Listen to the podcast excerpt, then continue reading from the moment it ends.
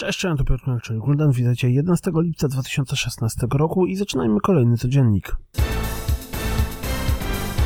Twórca Pony Island zwiastuna zaprezentował swoją nową grę. Jak można się po niej spodziewać, zwiastun The Hex robi wrażenie.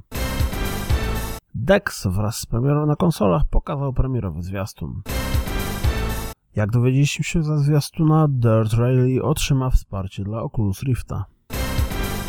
Kerbal Space Program w związku ze zbliżającą się premierą na PlayStation 4 zaprezentował zwiastunem przedstawiającym rozgrywkę. Plotka mówi, że biorąc pod uwagę tylko USA i tylko iOS-a, Pokémon Go zarabia dziennie około 1,6 miliona dolarów.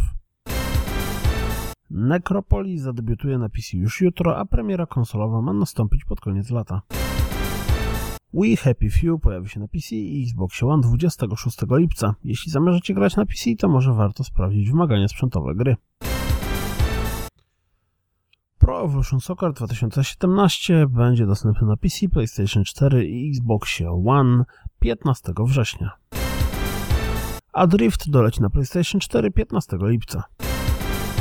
Wygląda na to, że przejście na model free-to-play w pozytywny sposób wpłynęło na ilość grających w Evolve. Jak wynika ze Steam Charts, grom zainteresowało się teraz dwukrotnie więcej graczy niż w momencie premiery.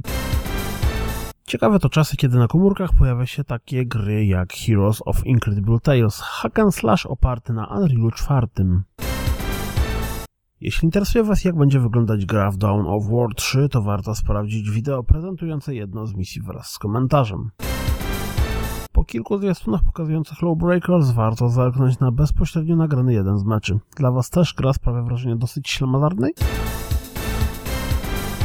To wszystko na dziś, jak zawsze dziękuję za słuchanie, jak zawsze zapraszam na www.rozgrywkapodcast.pl Jeśli doceniacie moją pracę, wesprzecie mnie na Patronite i mam nadzieję słyszymy się jutro, trzymajcie się, cześć!